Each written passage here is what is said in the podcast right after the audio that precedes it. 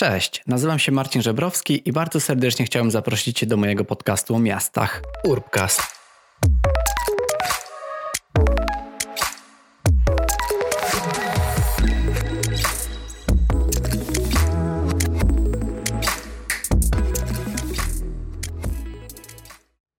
Cześć, witajcie w kolejnym odcinku mojego podcastu.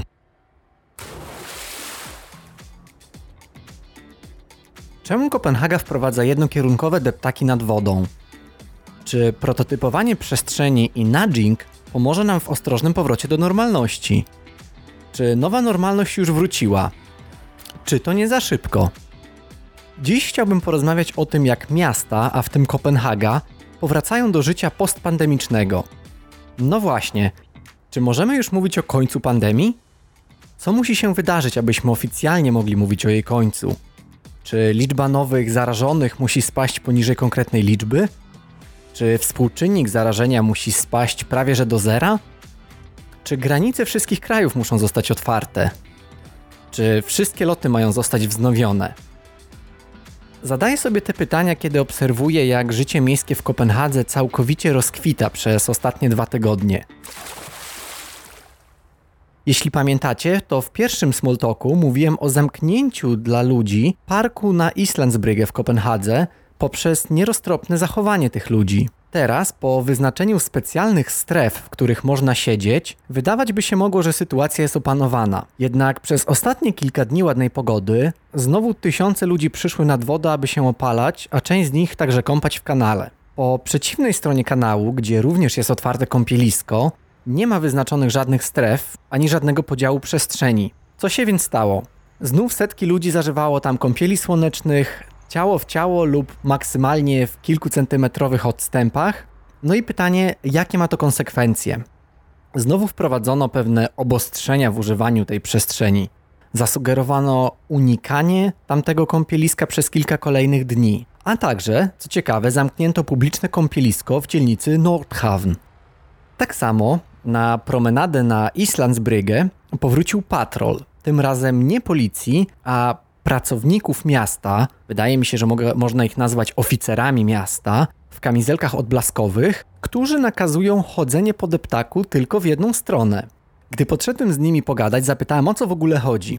Okazało się, że w poprzednich dniach było tak dużo ludzi, że władze miasta przekształciły ten bulwar dla pieszych w ulicę jednokierunkową. Jak tylko ktokolwiek biegnie w przeciwną stronę, to jest odsyłany z powrotem albo każą mu skręcić i obiegać promenadę dookoła.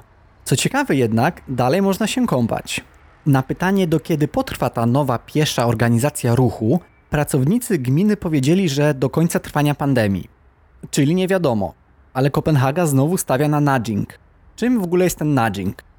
Nudge to według Wikipedii, przetłumaczonej przeze mnie na polski, ponieważ nie znalazłem polskiej wersji tego, tego słowa, nudge to koncepcja ekonomii behawioralnej, teorii politycznej i nauk behawioralnych, która proponuje pewne pozytywne wzmocnienie i pośrednie sugestie jako sposoby wpływania na zachowanie i podejmowanie decyzji przez grupy lub jednostki. Nudging to w pewien sposób wymuszanie i wpływanie na zachowanie ludzi, aby zachowali się w konkretny sposób lub czegoś nie robili. Taśma przed bramkami na lotnisku jest tego dobrym przykładem. Natomiast przykładem z obecnych czasów wirusa są pasy naklejane na ziemi w różnych miejscach przestrzeni publicznej, jak na przykład na stacjach metra, czy teraz także w restauracjach lub supermarketach. Uważam ten sposób za bardzo skuteczny. No bo kto z Was, widząc na podłodze w sklepie przed kasą naklejony pas wyznaczający konkretne miejsce do stania w kolejce, nie zastosuje się do niego?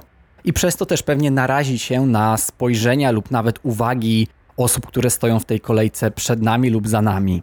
Sam miałem taką sytuację w jednym z supermarketów tutaj w Kopenhadze, że gdy zamyśliłem się i stanąłem trochę za blisko za osobą stojącą w kolejce przede mną, to odwróciła się ona do mnie i przypomniała o tym, że należy zachowywać dystans. I wtedy zobaczyłem, że stoję właśnie trochę za tą wyznaczoną linią, ale za każdym innym razem, kiedy stałem w kolejce, bardzo przestrzegałem tego, aby stać w odpowiednim miejscu. No i jakby ten nudging na mnie na pewno działał. Starałem się zachowywać tak, jak autor lub autorzy sobie tego życzyli. Mam poczucie, że powrót do tej starej lub nowej rzeczywistości odbywa się za szybko. Rezerwacje hoteli w miastach USA czy Francji szybują w górę. Powracają do stanu sprzed pandemii. Airbnb też ma się dobrze. Co prawda, obostrzenia takie jak wymagana kilkudniowa przerwa w rezerwacji pomiędzy dwoma klientami będzie pewnie wpływać na mniejszą liczbę ludzi z tego korzystających, ale czytałem kilka artykułów mówiących o tym, że Airbnb podnosi się z kryzysu i to szybciej niż wielu by się spodziewało. Kto z Was wróci już do pracy? Do centrum handlowego, do kina czy teatru? A kto z Was planuje już wakacyjny wypad? Do nagrania tego podcastu zainspirował mnie też podcast Sidewalk Labs z Toronto ze znanym ekonomistą i urbanistą Richardem Floridą, autorem takiego bestsellera jak The Rise of the Creative Class. Florida uważa, że miasta bardzo szybko podniosą się po pandemii. Miasta też za bardzo się według niego nie zmienią. To, co się zmieni, to samopoczucie ludzi, kiedy są w bardziej zamkniętych przestrzeniach lub miejscach. Na przykład ludzie być może będą bali się wejść do windy, czy jeździć metrem lub pociągiem, bo tam będą duże skupiska ludzi. Ale nie stanie się tak, że nagle wszystkie miasta staną się drugą Kopenhagą i pojawią się setki ścieżek rowerowych.